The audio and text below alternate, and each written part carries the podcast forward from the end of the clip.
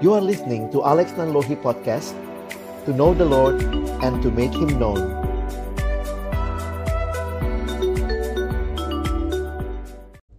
Halo, selamat malam teman-teman Senang banget bisa ketemu lagi malam Nama ini. kita berdua Yes. Saya Alex dan Baby. Iya, teman-teman kita masih ingin sharing lagi nih ya Dan kali ini dek temanya Mau cerita-cerita. Nah, ya? cerita-cerita ya. Dan kan itu juga nanti berharap teman-teman yang mungkin juga punya cerita, Boleh sharing ya. punya pertanyaan gitu ya. Silakan boleh share, kita boleh ya saling berbagi gitu ya. Malam hari ini eh, topik kita judulnya mengenal dia dan si dia. si dia. si doi. ya, begitulah. Iya, karena eh, aku kalau lihat hal ini gitu ya. Halo teman-teman, ini ada Kevin. Halo, Hmm. eh, masa masa penjajakan itu kan di dalamnya biasanya kita bilangnya ini masa pengenalan, Mm-mm. masa untuk kenal lebih dekat dan nanti waktu kita masuk ke pacaran pun juga itu masa mengenal. Mm-mm. Mm-mm. Eh, waktu bicara pengenalan itu apa sih yang perlu gitu ya? Jadi aku tuh lagi berpikir Mm. eh, gimana kita nolong teman-teman juga waktu mengenal apa sih yang kita perlu pik- eh, prinsipnya seperti apa lalu mungkin hal-hal apa yang bisa menjadi saran kali ya untuk kita bisa saling mengenal. Boleh, Iya. boleh, boleh, boleh. Oh Kevin, eh, kapan KKR lagi? Nanti ya, KKR-nya nggak tiap kali. jadi nanti eh, KKR siswanya lagi gitu ya. Oke, jadi thank you buat teman-teman. Ini banyak yang eh, mungkin udah mulai join Join. juga. Thank you. Jadi udah eh, terakhir kita kapan ya, Bang ya? Kapan ya? Minggu lalu ya? Minggu lalu ya? Minggu lalu ya Uh-uh. kayaknya.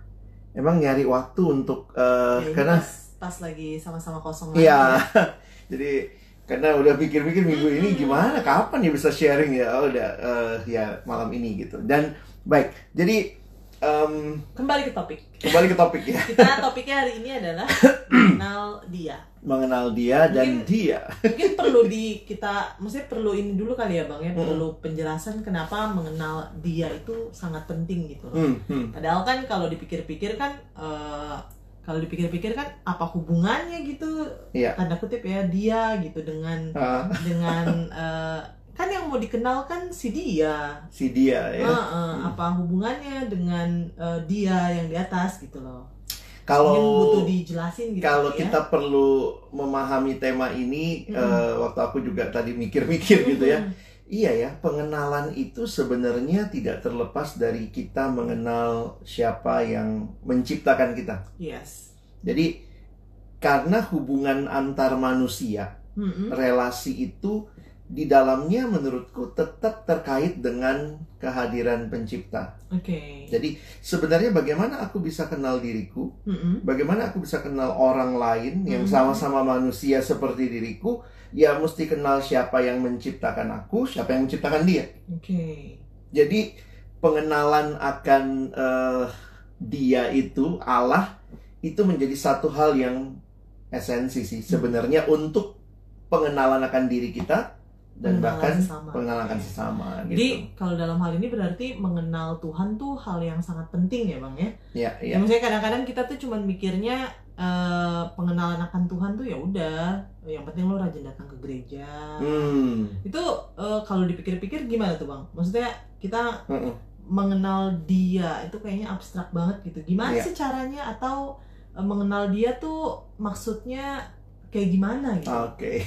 Nah, memang eh, aku pikir sih Tuhan juga bicara kepada kita melalui pengalaman dan Oke. eh, apa ya pola-pola pengenalan yang kita alami dalam hidup juga. Mhm, mhm. Misalnya gimana sih aku kenal kamu ya mesti ada komunikasi. Oke. Di dalamnya ada ada relasi lah ya. Pengenalan Oke. itu ada relationship yang terus-menerus, Mhm. yang mendalam, yang tambah lama tambah kenal Mhm. dan kemudian ya kalau kita bicara kepada pasangan tentunya mungkin tambah sayang. Oke. Nah, kalau bicara kepada Tuhan ya juga tambah sayang, tambah kenal Dia, tambah kita makin makin menikmati Mhm. sebenarnya apa sih eh, apa sih yang ak- akhirnya harus aku jalani dalam hidup. Oke. Karena menurutku gini deh, pengenalan yang dalam itu harus dimulai dengan eh, Tuhan kan udah udah udah memperkenalkan dirinya kepada kita. Nah, kita meresponinya itu, Oh. meresponinya. Nah, bagaimana meresponinya? Komunikasinya seperti apa? Nah, satu hal yang menarik adalah Tuhan sudah memberikan firman-Nya. Oke.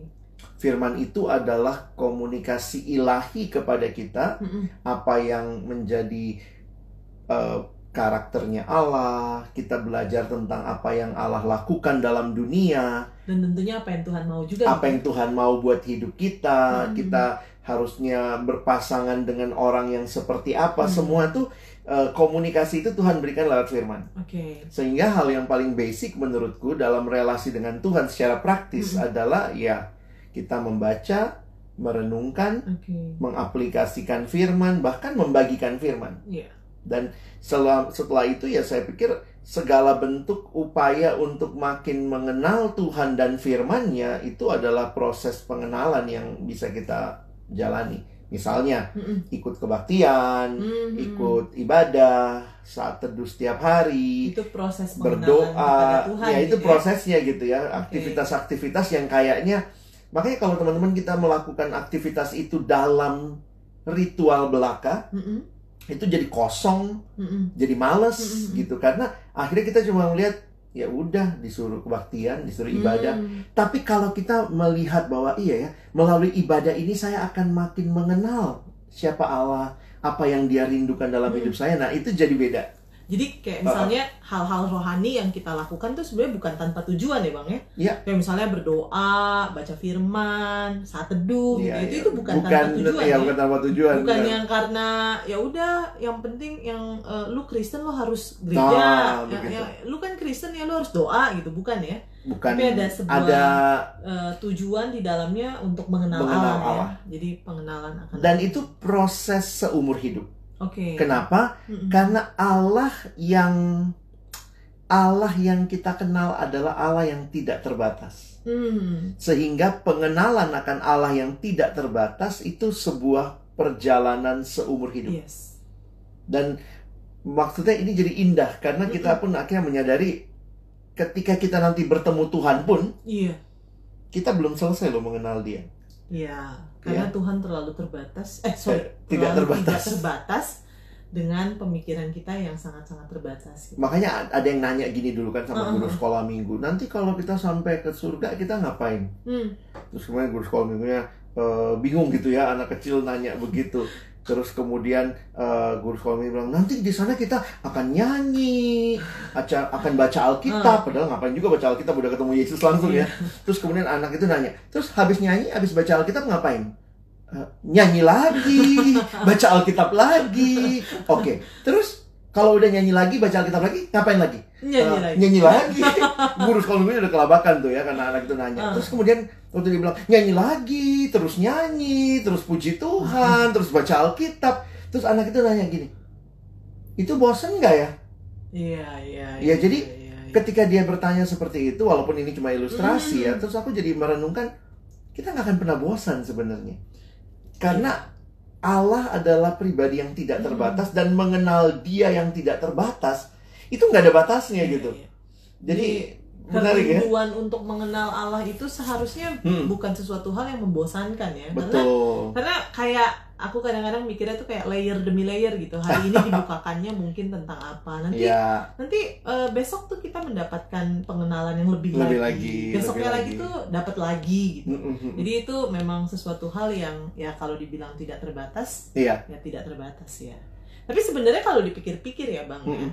Allah kan memang tidak terbatas. Kita nggak tadi bilang sampai dengan mati pun kita nggak akan nggak akan tuntas kalau bisa dibilang ya Hmm. mengenal uh, Allah Iya. yang tiada terbatas itu. Sebenarnya sama nggak sih bang kalau dalam konteks relasi kita dengan uh, ya kalau dalam hal ini pacar lah ya. Uh, maksudnya kayak kita udah menikah 10 nyaris 10 tahun lah Iya, ya. iya. Kita pun kadang-kadang kan masih ada hal-hal yang uh, oh baru tahu gitu ya Iya. tiba-tiba. Nggak oh, kenal oh, dia? ternyata Dia kayak ini, gini gitu banget ya. ya, misalnya gitu ya.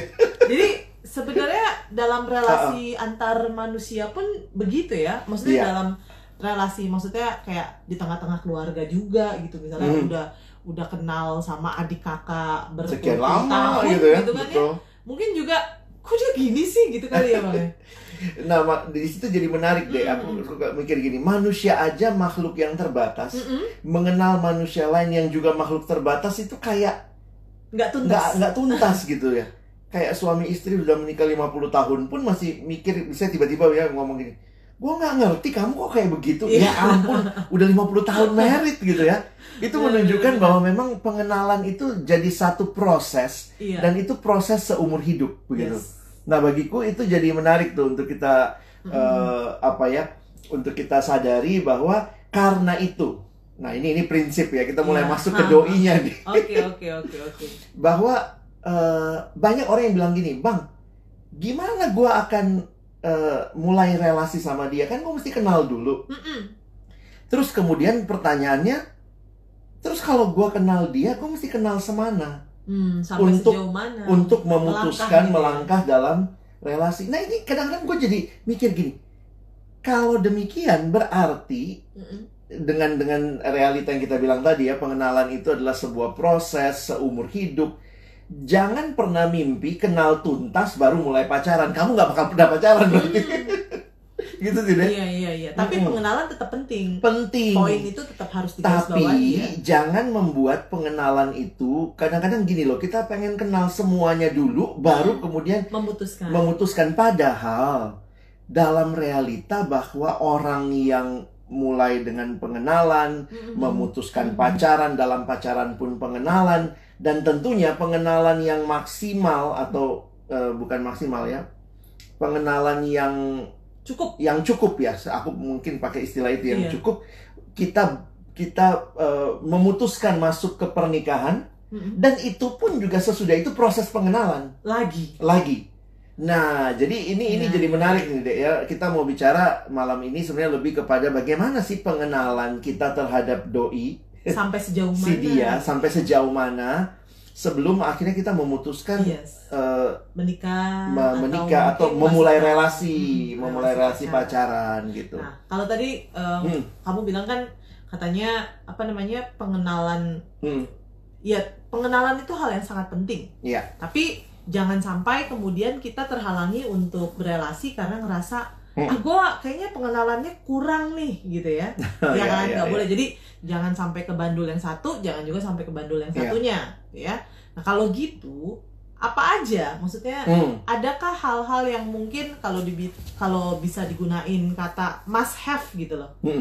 hal-hal yang mungkin oh eh, dalam hal pengenalan ini harus nih must have nih Iya. tapi eh, dalam hal yang ini ya mungkin nice to have gitu Hmm, ya kira-kira must have-nya itu dalam hal ini hmm. menurutmu apa gitu Kalau aku ngelihatnya gini ya, Dek. Uh-uh. Eh, ada beberapa aspek oke dan aspek ini yang menurutku juga ya manusia itu kan utuh ya. Mm-mm. Kita bisa pilah-pilih, Mm-mm. tapi pada akhirnya memang harus harus kita lihat sebagai sebuah kesatuan. Hmm, Kita punya aspek rohani, yes kita punya aspek psikologis, kita Mm-mm. punya aspek emosional, Mm-mm. eh, fisik juga. Jadi menurutku ini sebuah masa pengenalan yang melibatkan semua bagian.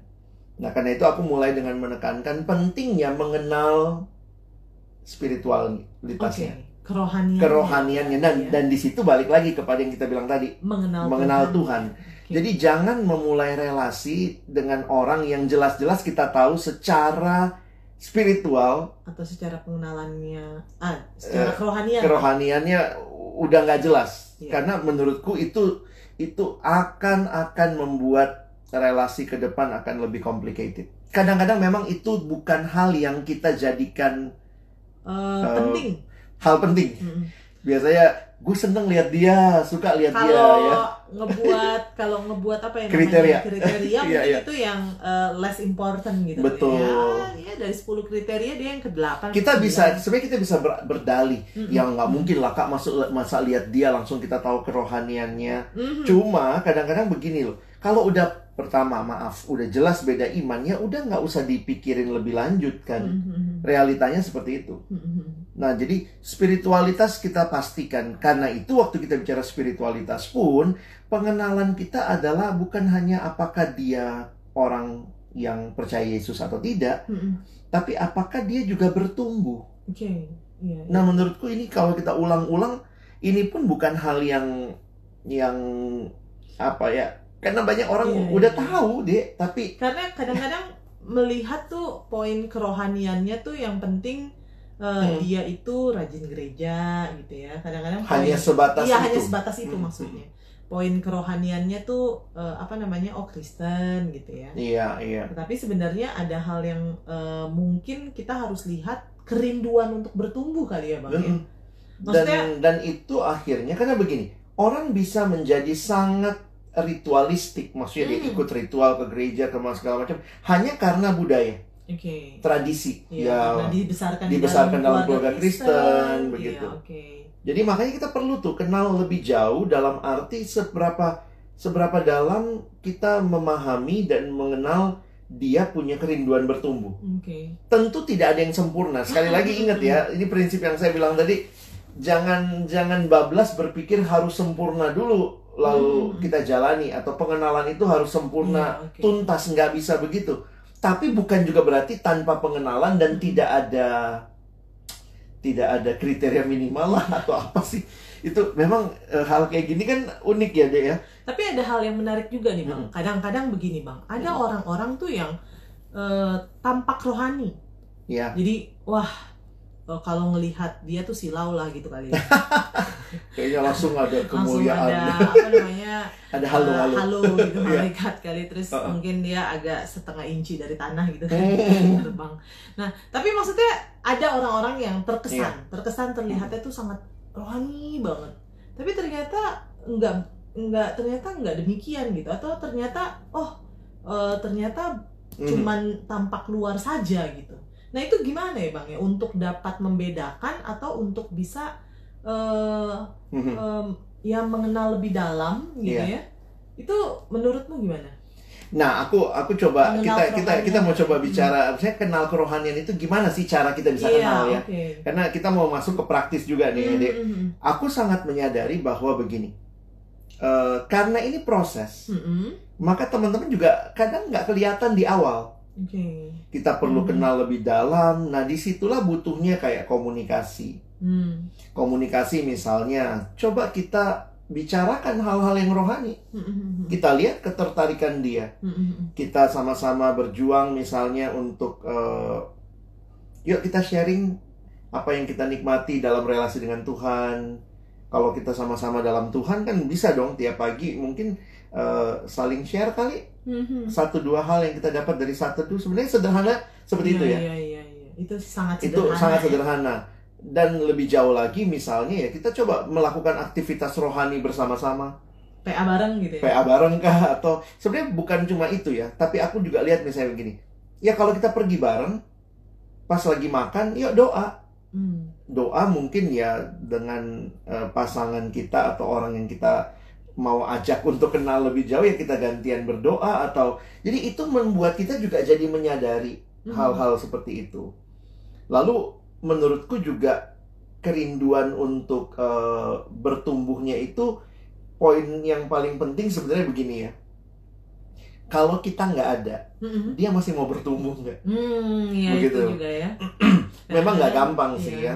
Eh, jadi misalnya gini waktu kita misalnya tidak tidak menyemangati dia atau apa apa kan memang dia secara natural memang memiliki kerinduan itu nah memang itu harus kita lihat dalam waktu yang lebih panjang ya tapi itu penting Iya. kamu sendiri ada tambahan nggak Iya mungkin juga melihat apa namanya rekomendasi komunitas ya. oh iya iya maksudnya iya ada komunitas yang bisa meli, maksudnya yang memang bisa tanda kutip mengkonfirmasi lah. Salah satunya aja ya, Hmm. tapi Hmm. maksudnya kayak mengkonfirmasi oh iya memang dia eh, Iya, seperti anaknya, itu. iya, seperti Maksudnya itu. memang dia nggak cuman nggak nggak cuman tanda kutip munafik lah kayak Hmm. gitu ya seperti itu atau oh dia memang ini kok apa eager banget untuk Hmm. cari pembinaan misalnya Mm-mm. rindu banget untuk ber- eh, bertumbuh gitu ya makanya menurutku dalam masa-masa pengenalan kita perlu secara serius memikirkan mengusahakan atau misalnya gini ya kita eh, ya secara intensional lah supaya tahu kerinduannya gitu. Karena gini bang, Hmm. sangat bahaya banget kalau misalnya kita Hmm. cuma ngelihat dari luar, wah dia rohani nih, oke lah gitu ya. Betul. Tapi ternyata ketika kita sudah eh, sudah sudah berrelasi lah Hmm. misalnya sudah berpacaran, ternyata eh, tidak sebegitunya, tidak seperti itu. Iya, gitu. iya. Dan itu tuh eh. itu tuh ngebuat kita tuh kadang-kadang tuh eh sorry, kadang-kadang itu Eh. ngebuat kayak ilfeel jadinya sama oh Siapa pun orang-orang- yang rohani. Iya, Iya, maksudnya iya. banyak sekali orang-orang yang akhirnya ilfeel gitu, lalu kemudian kayak eh, sakit hati gitu. Ah, kok dia eh, apa namanya Hmm, hmm, eh, terlihat rohani tapi ternyata kayak gini. Kayak misalnya aku punya cerita Iya, lah ya. hmm. Eh, aku denger lah ada eh, salah seorang teman gitu ya, teman Mm-mm. teman eh, ada Pelayanannya. Eh, bukan sini temennya kakak lah. Oke. Itu dia cerita ada satu temennya dia yang Mm-hmm. eh, dulu pernah eh, ya pokoknya intinya dideketin lah sama eh, apa namanya Cowok yang nampak cowok rohani. yang, eh, ya ya itulah nampak rohani tapi Hmm. kemudian eh, di cuma dideketin ya digantungin gitu loh dan itu membuat dia sakit hati gitu oh ternyata orang yang Iya, yang iya, iya, rohaniannya kayak gini tuh kayak eh, kok kok seperti ini gitu jadi Hmm, gimana ya. Ha- harus hati-hati juga gitu ya Betul. dalam hal ini karena kan ya mungkin cowok yang rohani itu mungkin lagi kayak tanda kutip Ah. mendoakan gitu kan ya. iya, iya. tapi terlalu gimana lah gitu nah ya itu itu itu itu gimana jadi tuh jadi kesannya akhirnya nah tapi memang di satu sisi ya akhirnya kan orang yang sakit hati itu gampang sekali mengeneralisasi nah jadi Oh, kayak semua cowok rohani iya, itu nggak gentleman langsung, ah Iya, apaan iya. tuh? Cowok cowok P- ya kalau kita ngomong cowok PMK, PMK ya, gitu ya. Cowok PMK eh, apa namanya bisanya ngegantungin misalnya. Iya kelamaan doanya. Iya, kagak nembak nembak nah. eh bukan hanya cowok sih ya teman-teman. Ya, ada cewek yang juga. cewek juga Iya, ada ya. juga gitu. Jadi menurutku ya maksudnya gini lah. Memang pengenalan itu kan seperti apa ya seperti sebuah ya perjalanan kali ya Mm-mm. makin lama kita kenal, makin dalam kita kenal, jadi sebenarnya makin terbuka sisi-sisi Mm-mm. aslinya. Dan termasuk kita harus siap juga bahwa oh iya, tidak ada yang punya kerohanian yang sempurna, itu Yes, pasti. pasti. Tetapi kita juga tidak mau hanya sekedar ya udah kalau nggak sempurna ya nggak apa-apa lah.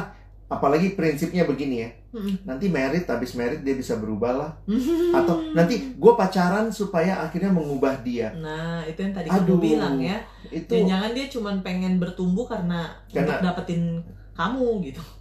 tentu kita mungkin menjadi faktor Dipakai lah awal ya, faktor dipakai. awal membuat dia jadi pengen rohani karena wih gue punya pacar Hmm. nih rohani gue juga pengen rohani tapi kan kalau kita sejalani itu sekian lama masih begitu kita mesti lihat perubahannya Benar. nah perubahan itu yang tentu kita perjuangkan kita doakan kita upayakan kita ciptakan suasananya aku ingat dalam eh, buku Pak Mangapul Sagala Hmm. misalnya dia mengatakan bahwa penting tuh menciptakan suasana rohani waktu pacaran Mm-mm. itu untuk menjaga kita dalam kekudusan dan juga sebenarnya men, apa ya memahami se- sedalam apa akhirnya Hmm. orang ini melihat kerohanian itu serius.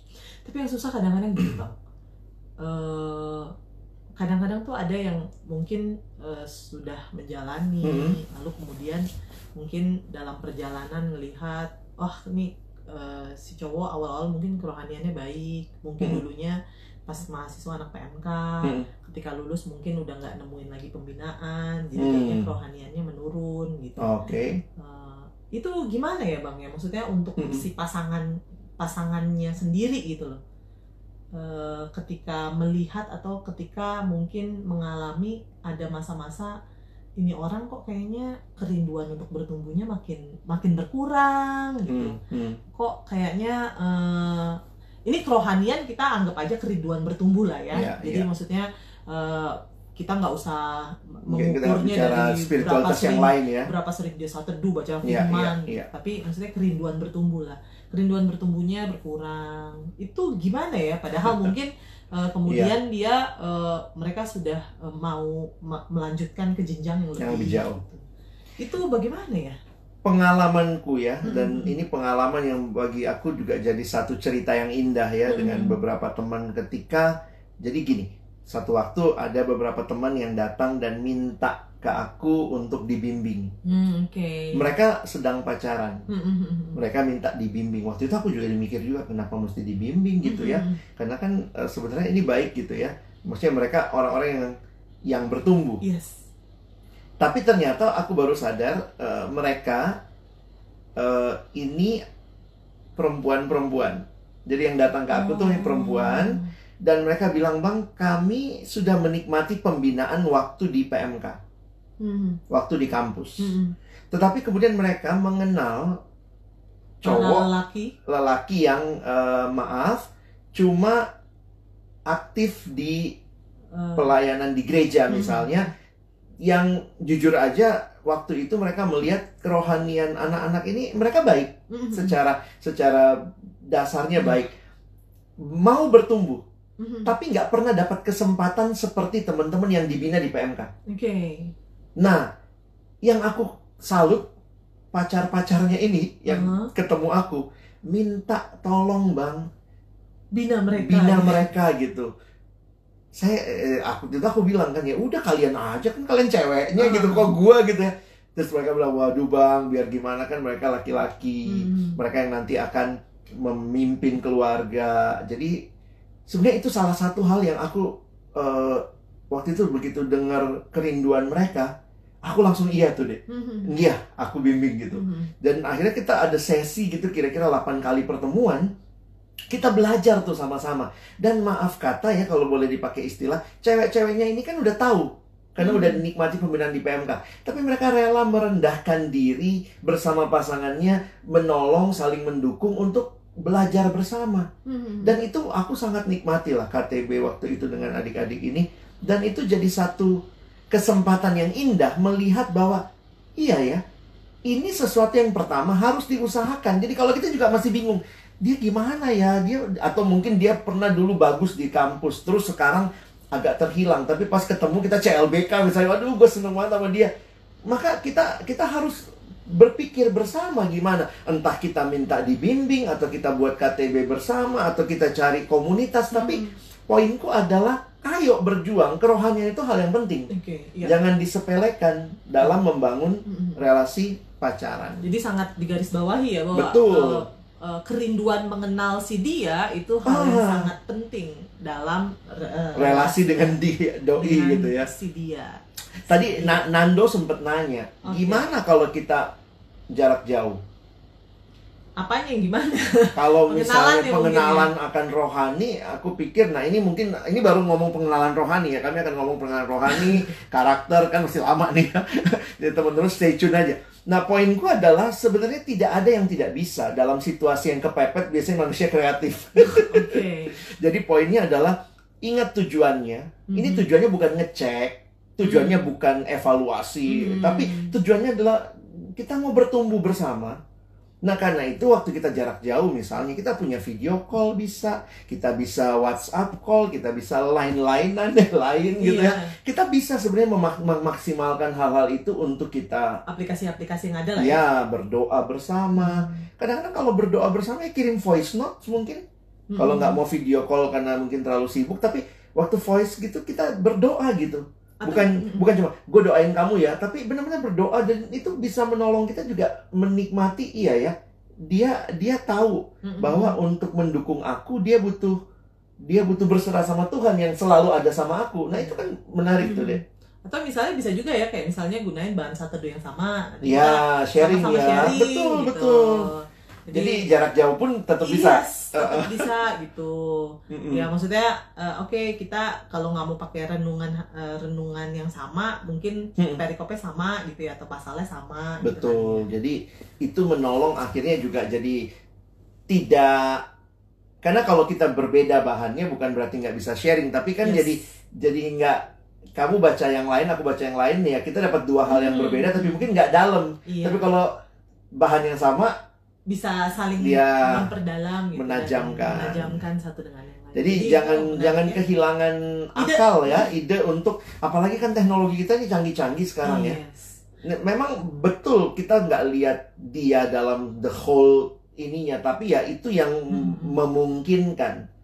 dan, dan tentunya ke doa, depan ya ke depan waktu menjelang misalnya mau me- melangkah ke pernikahan aku memang harus katakan itu penting sekali pernah punya waktu bersama-sama dalam jangka waktu yang cukup Mhm. lama karena menurutku tetap pengenalan fisik dalam arti maksudnya bukan fisik ini ya pengenalan langsung juga tetap dibutuhkan tatap muka lah tatap muka betul Iya, nah iya, ini iya. ada Oke, oke Nando, makasih. Halo teman-teman semua yang baru join ataupun yang udah ikut dari tadi. Nah silakan dek dari Abel. Kak Alex, saya mau tanya kak, saya eh cara cari jodoh yang sama satu agama Kristen bagaimana kak caranya? Nah ini menarik juga nih. Iya. Eh, ya tentunya Cari di cari di tempat tempat yang Tepat. banyak banyak orang Kristennya ya. Eh, ya di persekutuan, di gereja. Poin saya adalah begini. Eh, jangan merasa bahwa kadang-kadang gini loh dek orang suka nganggapnya yang kayak kamu bilang tadi kali ya di tempat yang sudah kita sangat kenal itu rasanya juga membangun relasi lebih dari itu suka gamang gitu Iya. padahal sebenarnya ya di situ gitu ya kayak misalnya Oh, teman-teman kasih cerita apa deh. namanya eh, dalam satu kepengurusan gitu misalnya kepengurusan eh, persekutuan ya PMK lah ya pelayanan atau mahasiswa atau di gereja Kadang, Hmm. eh, kadang-kadang mungkin kita ngerasa ah kalau sama dia mah dia ya ampun gue mah sama dia udah CS-an banget. Ah iya iya nggak iya. mungkin lah gitu ya kadang-kadang Iya, kita kadang kayak kita begitu ya. dengarnya begitu ya. Mesti sering kali dengar kayak begitu gitu. Eh, ya ampun gue kesentuh sama dia aja udah kagak ada rasa gitu kan kadang-kadang ya. Ngomongnya Jadi, gitu iya, ya ngomongnya kayak begitu. Maksudnya kadang-kadang kita sudah mengeliminasi kesempatan-kesempatan iya yang sebenarnya mungkin jangan-jangan itu adalah kesempatan yang Tuhan kasih di depan mata gitu loh dan jelas-jelas itu adalah komunitas orang yang percaya Mm-mm. yang kalau lagi maksudnya dalam yang kita lihat lah dalam pengenalan dan kita. paling nggak bertumbuh bersama iya karena mungkin ada ada pembinaan pengurus ada Iya, program bareng gitu itu. terus kadang-kadang memang apa ya udah udah adik banget dia bang nggak Iya. mungkin lah loh ah dia mah udah gua mungkin udah gua anggap abang lah itu udah nggak mungkin itu lah, hati-hati tuh ya. kadang-kadang kita ya Hmm. kalimatmu tadi bagus tuh kita mengeliminasi eliminasi langsung padahal kenapa tidak daripada cari di tempat yang memang Iya di tempat yang lain gitu kan ya. Jadi Iya, iya. maksudnya jangan langsung mengeliminasi lah. Jangan-jangan itu adalah kesempatan gitu di depan mata ya Tuhan Betul. kasih. Banyak teman-teman yang mungkin eh, cari ke sana Hmm. kemari, cari ke sana kemari. Eh ternyata ujung-ujungnya sama si Adu si juga, juga. gitu ternyata. kurang kalau- lihat-lihatan apa dulu ya Ah, coba kalau misalnya udah dari awal, Uh, uh, ya, uh. itu kan udah mempersingkat waktu kan. gitu. wasting banyak waktu Jadi, ya tentu dalam anugerah Tuhan ya itu iya, waktunya Tuhan iya ya tapi Tuhan. kadang banyak yang nggak menghargai Hmm, hmm, hmm. nggak menghargai kesempatan ada di dalam komunitas rohani Iya. ya dan akhirnya gitu ah katanya rumput tetangga selalu lebih indah. Ya kamu cari rumput tetangganya di rumah ibadah lainnya janganlah gitu ya. Iyalah kalau itu dan Iya. itu Jadi pengalaman. eh, ya itulah ya Hmm. maksudnya kalau emang mencari ya carilah di tempat yang tepat Ya, di situ banyak ada eh, anak-anak Tuhan. Gitu ya. Persekutuan. Dan tetap meyakini bahwa eh, itu tempat yang memang juga Tuhan berikan gitu Yes, itu bukan cuma Tuhan tempat kasih. bukan bukan bukan hanya tempat pelayanan mungkin Hmm. tapi juga tempat di mana Tuhan mau mendewasakan kita untuk Iya. belajar saling mengasihi benar sekali tapi tetap teman-teman hati-hati juga ya kembali Hmm. jangan lagi juga kembali lagi tadi pengenalan yang eh, Hmm. baik akan Iya. kerohaniannya itu Hmm. juga adalah hal yang sangat penting karena itu jangan tergesa-gesa lah teman-teman jangan terburu-buru Iya. gitu ya Hmm. Tetap aja jangan karena oh dia satu gereja dia satu persekutuan. Apakah cuma itu? Iya apakah Hmm. cuma itu? Ya kita harus kembali mengenal bagaimana pertumbuhannya Hmm. kerinduannya bertumbuh kerohaniannya. Karena teman-teman eh, banyak juga gitu ya eh, musang-musang berbulu domba gitu di PMK serigala berbulu domba. Serigala-serigala berbulu domba gitu ya di PMK yang tampak baik gitu ya tapi ternyata Iya, iya. serigala gitu tentu tidak semua hal akan gampang dan mudah terungkap dalam pengenalan ya Yes. kita juga tidak tutup mata bahwa itu proses Mhm. seumur hidup kadang-kadang kayak berapa tahun kemudian baru kita sadar loh kok dia begini gitu ya iya ada orang-orang yang Makanya pengenalan sadar. tuh sangat, maksudnya pengenalan dalam waktu yang itu cukup, modal modal itu modal baik modal Eh, baik eh, eh. ya seperti itu dan ya kalau mau eh, mengenal secara kerohanian ya itu tadi ya tadi ya Iya. melalui komunitas Mm. melalui tentunya komunikasi relasi Mm. yang baik ya dengan dia ya Mm. seperti itu terus pengenalan yang lain apa bang eh Iya. ada pertanyaan mau dijawab dulu atau yang mana nih pertanyaan nih bukan. oh bukan oh oke bukan ya bukan, bukan. bukan. Kalau pengenalan selanjutnya yang yang aku pikir juga perlu kita pahami, kita kenal adalah re- eh, pengenalan akan mungkin pakai istilah karakter ya, itu mewakili psikologi, emosi gitu ya, karakter. Nah mungkin tuh jawab dulu nih dek. Ayo. Bang, apakah memang lebih baik untuk mencari pasangan sesama anak persekutuan daripada yang seiman tapi bukan anak persekutuan? Nah, ini ini nggak bisa dijawab iya Iya, atau iya tidak atau ya? tidak. Tapi mungkin prinsip yang tadi eh, kamu ngomong dek, bahwa walaupun di dalam persekutuan pun lihat juga jangan-jangan Iya, serigala Berbulu. Iya, ngomong-ngomong berbulu. bulu. Iya, jadi Karena poinnya adalah eh, kita sangat mudah menutupi, apalagi kalau kita suka sama seseorang atau kita ingin disukai orang banyak, Yes. kita mudah sekali mem- membuat berbagai hal yang kelihatannya mungkin kelihatan rohani supaya Mhm. terlihat baik. Mudah sekali buat bulu domba lah ya. Iya. supaya iya. tidak eh supaya tertutupi ya. Jadi saya harus mengatakan dengan jujur bahwa ada orang-orang di luar persekutuan yang baik baik yang secara bertumbuh. kerohanian bertumbuh juga. Dan ada orang-orang di dalam persekutuan yang belum tentu bertumbuh. Yes. Sebaliknya juga karena itu di luar sana ada juga yang nggak bertumbuh dan di dalam persekutuan banyak juga yang bertumbuh. Jadi Iya. eh, bukan masalah di mananya tempatnya, Mm, mm, mm. tetapi kenal orangnya. Iya. Ah. Tapi kalau misalnya apa namanya kadang-kadang kita kenal di dalam persekutuan itu sering kali tuh kita kayak ah karena udah kenal jadi nggak nggak Ya kayak merasa gitu, udah terlalu biasa. Itu itu Iya. yang juga Nah, aku itu yang sedih juga sih ya. harus kita waspadai Makanya mungkin sorry ya, ini tips-tips paling sederhana buat teman-teman yang lagi cari teman hidup ya. Bergumul ya list aja siapa aja teman persekutuan kali ya. yang ada di sekitar Yang ada di sekitar gitu. single Yang masih tentunya single ya. tentunya. Paling tidak, aduh gue nggak mau banget sama dia, gue udah tahu lah busuk-busuknya. Nanti kalau kamu kenal yang lain, kan tahu busuk-busuknya juga. Terus Terus ujung-ujungnya begitu sama juga. Jadi poinnya mendingan yang udah tahu busuk-busuknya tapi satu komunitas sedang terus bertumbuh, mana tahu ya ya ini Tuhan bisa pakai berbagai cara ya. Tapi paling tidak menurutku coba list lah ya. Jadi ada orang ya, eh, gue nggak ketemu bang, nggak ketemu. Ya nggak ketemu. Coba buka mata, buka mata list. Siapa aja temen lu lawan jenis. Jadi daftarin semua lawan jenis dalam eh, kepengurusanmu misalnya. Yes. Dalam eh, kakak tingkatmu mantan pengurus misalnya. Bisa. Iya gitu ya. Benar Ini mau, benar mau benar. ceplosan apa kamu? Karena kita banyak juga ketemu yang akhirnya iya ya satu kepengurusan jadian juga pada akhirnya nah menurutku ya itu itu anugerah Tuhan Hmm. juga buat kita jangan jangan tutup mata gitu ngelihat ah nggak mungkin lah sama Hmm. dia mana tahu juga itu yang Tuhan Iya. bukakan ya jadi bukan masalah eh, tempat itu karena itu itu kalau dipikir-pikir apakah harus cari di eh, persekutuan ya Hmm. itu adalah hal yang paling wajar ya untuk mencari ya Betul. atau tempat yang paling wajar untuk mencari ya Betul. Mm-mm. gitu ya. Tapi kalau emang misalnya eh, tanda kutip dapat di luar persekutuan ya ya itu nggak apa-apa juga bukan sesuatu hal yang Tuhan nggak sejauh lakukan. ya sejauh memang kita tetap pada kriteria Hmm. dia kenal Tuhan dan dia juga bertumbuh dalam Iya. pengenalan itu Dan ingat ya teman-teman ya, persekutuan itu kan bukan cuma persekutuan yang ada di eh, iya di kampusmu, ah. bukan hanya persekutuan yang ada di kotamu gitu Iya, ya. iya. Tapi ingat ada ke kota lain persekutuan di kota lain, ada persekutuan di kampus lain gitu ya.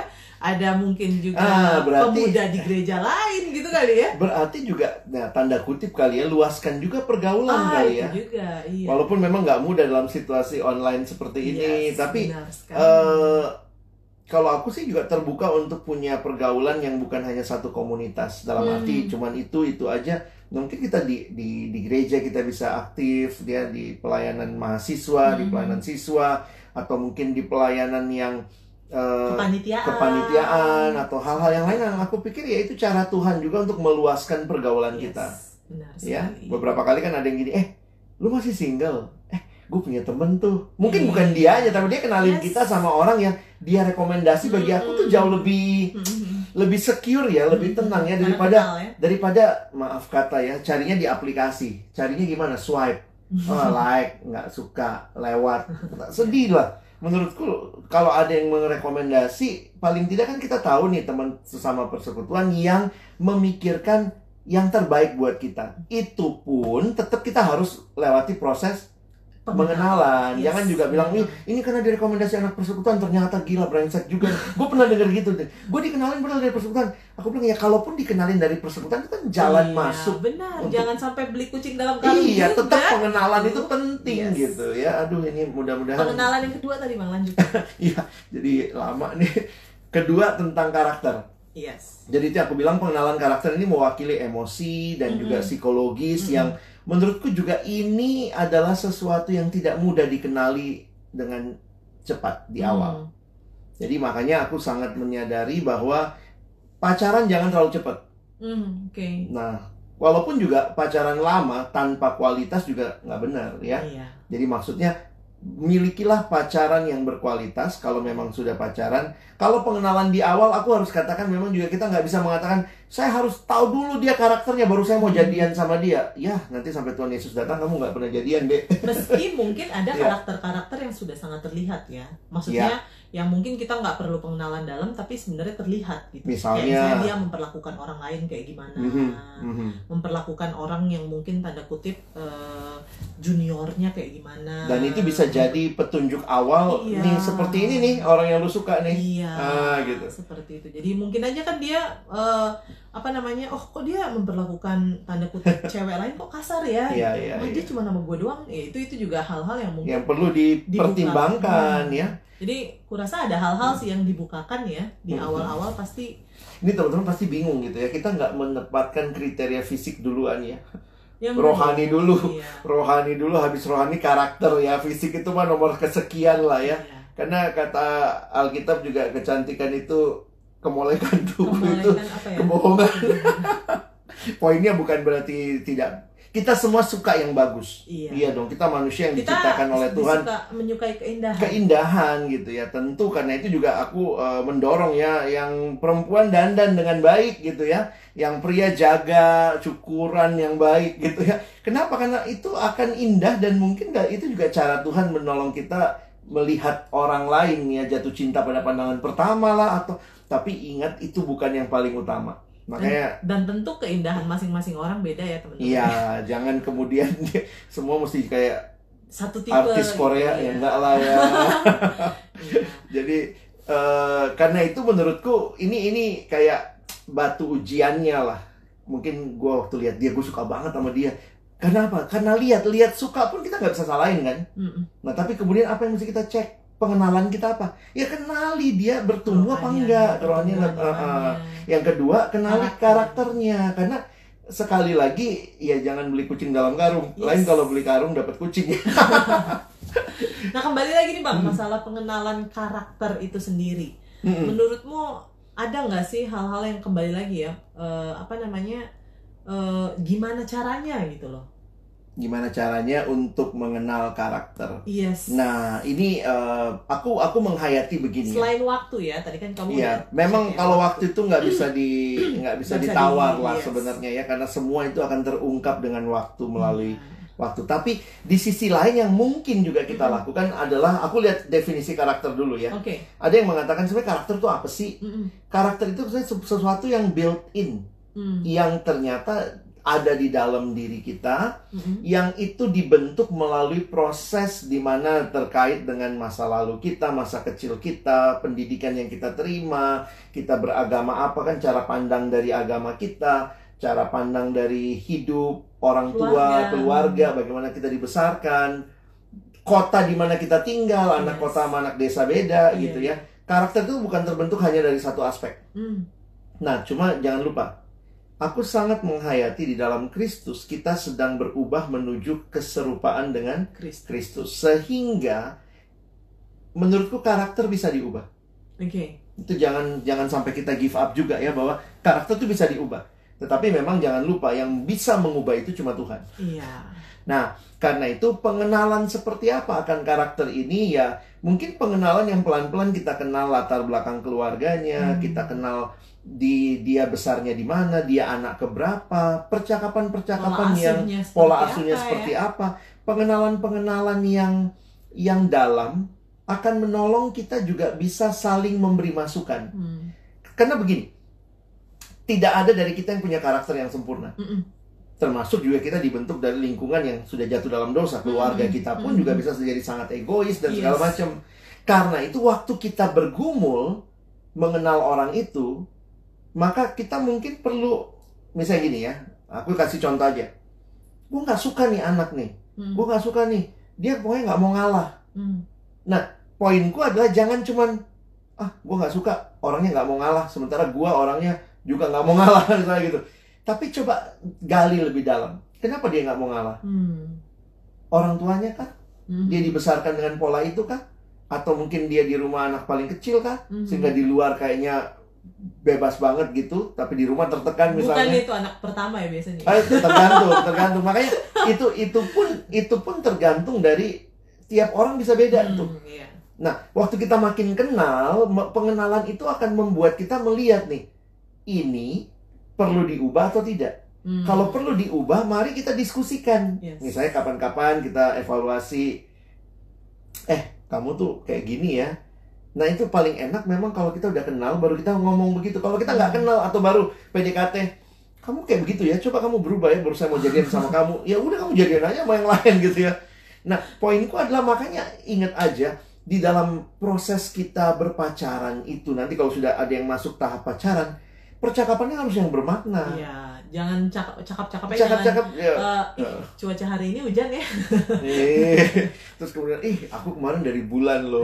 Ih, lihat bulan ingat kamu. Eh, poinku adalah eh, mari kita membangun percakapan yang di dalamnya kita mengenal. Memang Hmm. balik lagi ya, nggak mungkin kita nggak bisa karakter itu sesuatu yang yang mungkin muncul ketika ada krisis biasanya Iya. kelihatan dengan jelas. Mm-mm. Ada yang pernah bilang gini ya, ini waktu pergi ke daerah gempa, dia bilang gini, aduh bang, baru ketahuan lah siapa gua sesungguhnya katanya. Hmm. Kenapa? Pas gempa, itu kan tengah malam katanya, dia lari keluar bawa bantal. Dia lupa siapa dia lupa, enggak ada, enggak, maksudnya poinnya dia adalah dia dia lari keluar bawa bantal gitu. Itu membuat dia jadi sadar ternyata buat dia yang paling penting bantal. Iya, iya. Ada yang keluar bang, gua langsung lari bang bawa dompet. Ada gua langsung lari bawa HP.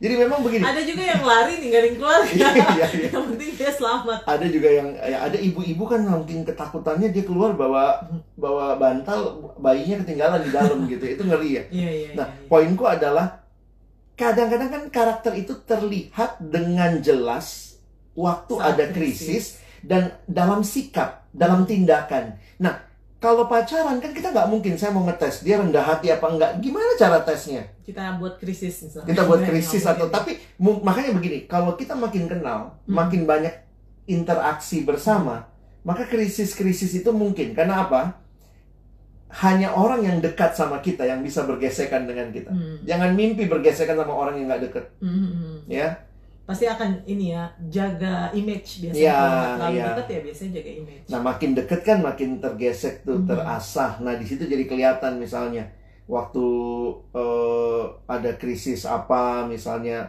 mau bayar makanan Hmm. ih kok dia nggak ngeluarin duit sih Gitu ya. tapi jangan langsung gara-gara itu selesai nggak lihat Iya, lagi iya. berikutnya Dia lupa begitu lagi kan? Ah, berikutnya dia lupa bawa dompet yang ketiga kan makanya jangan cuma menilai dari satu dari satu peristiwa gitu mesti lihat dari Iya, dari iya. banyak peristiwa dan Hmm. kemudian kita kenal ternyata apa memang dia begitu ya Hmm. dia teledor ternyata Iya. dia memang misalnya taruh dompet di mana aja sampai ketinggalan misalnya jadi iya. karakter itu kita perlu kenal latar belakang lalu kemudian menurutku ya waktu yang lama interaksi komunikasi yang bermakna dan aktivitas bersama Hmm. jadi misalnya ya ya melayani bareng melayani bareng tuh bisa kelihatan tuh ya bisa kelihatan Iya. ya jadi jangan cuma kadang-kadang gini ya nah memang ini tantangan buat teman-teman LDR Hmm, hmm, hmm. karena LDR itu yang kamu bisa cek mungkin cuma eh, latar belakang gitu ya. Hmm. Nah, itu yang aku pikir kita butuh waktu, butuh proses dan eh, pengorbanan sama-sama ya untuk melihat bahwa nggak apa-apa kita ini demi melayani bersama supaya Hmm. juga kita makin kenal satu sama Iya. lain gitu. Mm-mm. sama ini juga kali ya bang ya maksudnya eh, kadang-kadang kalau orang tuh lagi Hmm. jatuh cinta tuh kadang-kadang mm, kadang-kadang gitu Iya, ya, iya, nggak iya. nggak pakai logika jadi Iya. kadang-kadang kayak misalnya berpikirnya tuh ah katanya bang Alex karakter bisa di eh, bisa dibentuk Mm-mm. ya udah deh gue tahan-tahanin aja nanti juga bisa kebentuk Oh iya iya itu iya. gimana tuh bang maksudnya kadang-kadang tuh ada sebenarnya karakter yang udah di depan mata kita wah kita wah nggak sanggup nih nggak sanggup deh kalau sama orang yang tanda kutip seperti ini ternyata Tuh ya dan itu mungkin bukan cuma sekali dua kali tapi udah Iya, terlalu sering gitu. berkali-kali terlihat ya. terlihat ya. udah terlalu sering terlihat misalnya suka ngebentak lalu Hmm, kemudian mungkin juga eh, apa namanya kalau marah kasar Hmm. misa- misalnya gitu ya atau mungkin suka bohong Iya. Tuh ya jadi maksudnya Suka minjem duit. Ada tuh. nah suka Ada. minjem duit tuh ya suka ngutang gitu kan ya Iya iya. jadi maksudnya ada eh eh, ya tanda kutip hal-hal yang seperti itu karakter-karakter yang Hmm. seperti itu yang maksudnya kadang-kadang jangan sampai juga kita karena mungkin Hmm. Terlalu cinta atau karena mungkin lagi jatuh cinta Jadi banget nggak nggak jadi memakai rasio ya. kita- iya nggak pakai logika itu gimana menurutmu bang? Nah ini ini aku harus katakan hal-hal seperti itulah kita butuh sebenarnya komunitas deh. Hmm, oke. Kita butuh pembimbing orang-orang yang mungkin akan menolong kita melihat juga lebih utuh. Mhm, mhm. Karena begini ya teman-teman ya, em, hal-hal seperti itu aku mulai dari sisi begini. Orang lain punya karakter atau pasangan kita punya karakter yang jelek nih. Mhm, Tapi pertanyaannya kita punya juga nggak? punya Nah, kita berusaha supaya dia berubah. Mhm. Nah, tapi poinnya adalah kita juga mau Harus berubah nggak?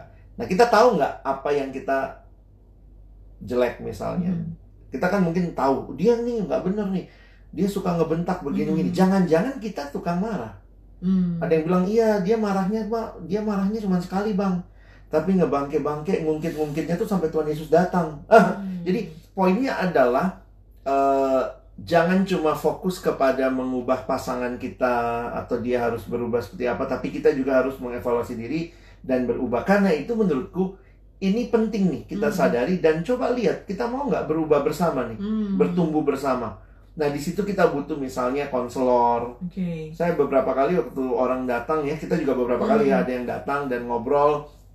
Akhirnya kita jadi ngerti. Oh pacarnya begini. Oh karena pacar yang satu juga gini cara responnya. Jadi akhirnya kita melihat ini bukan cuma yang satu yang mesti dibenerin kasarnya gitu ya. Balik lagi kan kita nggak pernah nggak Hmm. sempurna ya. Tapi dua-duanya. Nah karena itu kita harus realistis juga Yes.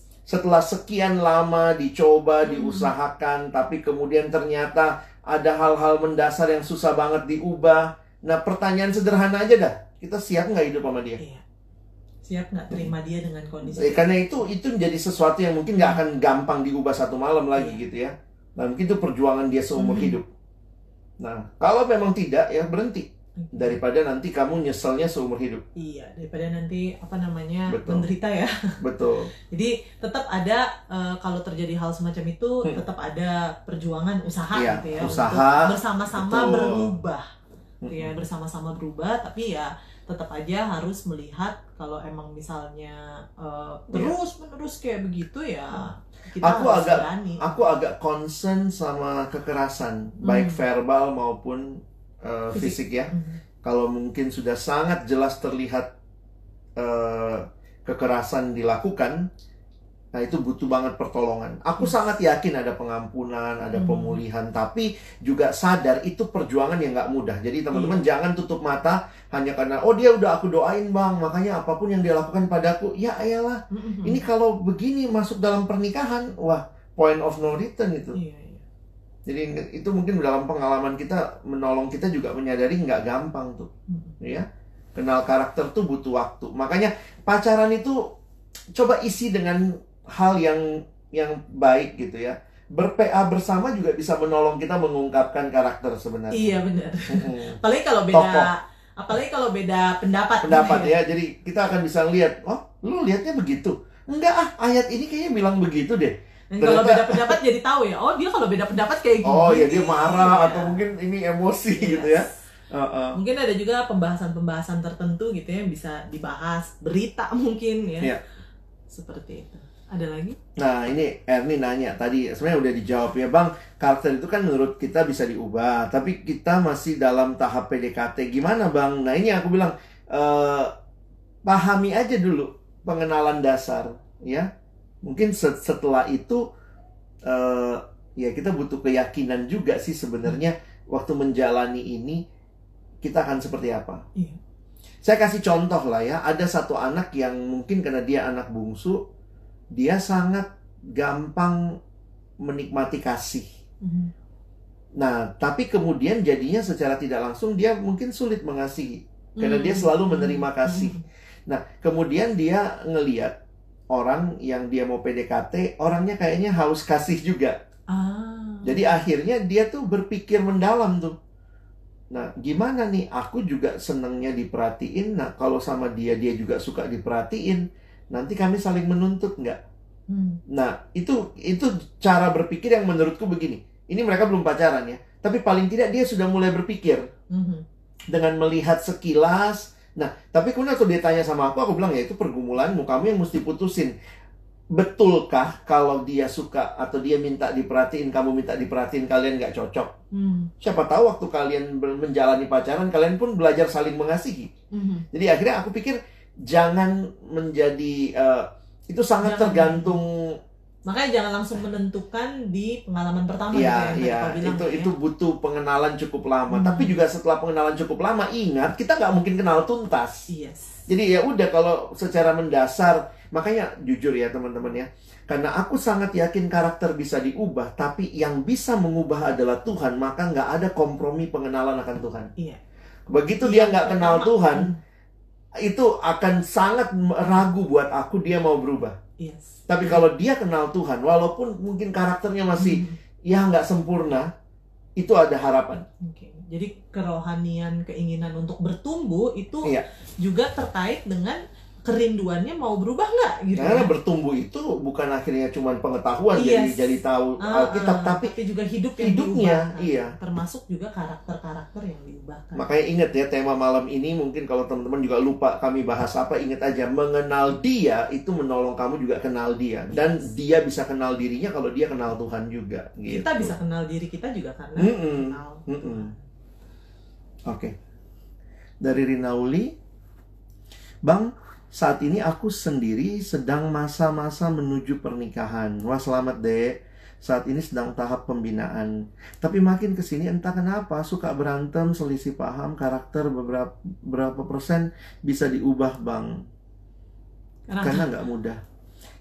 Eh, ini masalah masalah menuju pernikahan memang begitu sih ya kadang-kadang karena itu maksudnya iya makin intens. nggak tahu juga maksudnya Iya, iya. apa yang menjadi alasan harus dicari tahu dulu ya Betul. kalau emang alasannya sangat-sangat mendasar sangat-sangat mendasar banget ya Ya mesti ya mungkin dipertimbangkan perlu lagi. dipikirkan ya. dan dipertimbangkan Tapi kalau kita cuman masalah maaf ya, eh, souvenir meritnya nanti apa? Mm-mm. Aku pengennya eh, ini, aku pengennya ini. Kadang-kadang menjelang pernikahan tuh berantemnya hal-hal iya sepele. itu Heeh. atau misalnya kayak misalnya eh, ya udah lu urus lah semuanya tapi Iya. kita pengennya tuh ya lu ikutan dong ini kan bukan cuma gue yang nikah Iya, Nah, iya, kadang-kadang itu- kayak gitu tuh, itu juga ngebuat berantem gitu ya menjelang pernikahan tuh tensinya tinggi lah. iya jadi Termasuk memang keluarga juga, apalagi kalau Yes. keluarga banyak mau. bener jadi kita memang nggak tahu sih maksudnya Iya. eh, tergantung ya apa yang Hmm. diberantemin kadang-kadang hal-hal kecil karena tensi tinggi wah Jadi besar. bisa jadi perang dunia ketiga gitu kali ya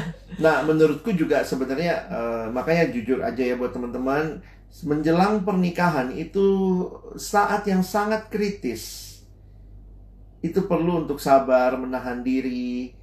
Itu saat yang kritis memang dua hal ya, kritis dalam eh, penyesuaian, Mhm. tapi juga itu kritis di dalam kekudusan. Hati-hati ya. Masa-masa itu kita kritis sekali dalam kekudusan. Jadi kadang-kadang juga beberapa orang karena nggak ada masalah tapi kedekatan tahu-tahu akhirnya menikmati eh, hubungan suami istri sebelum pernikahan. Hmm. Padahal dengan alasan kan pasti merit, Mhm. kan bakal merit sama dia. Nah itu hati-hati. Yes, Jadi, yes. Poin itu juga yang aku ingatkan.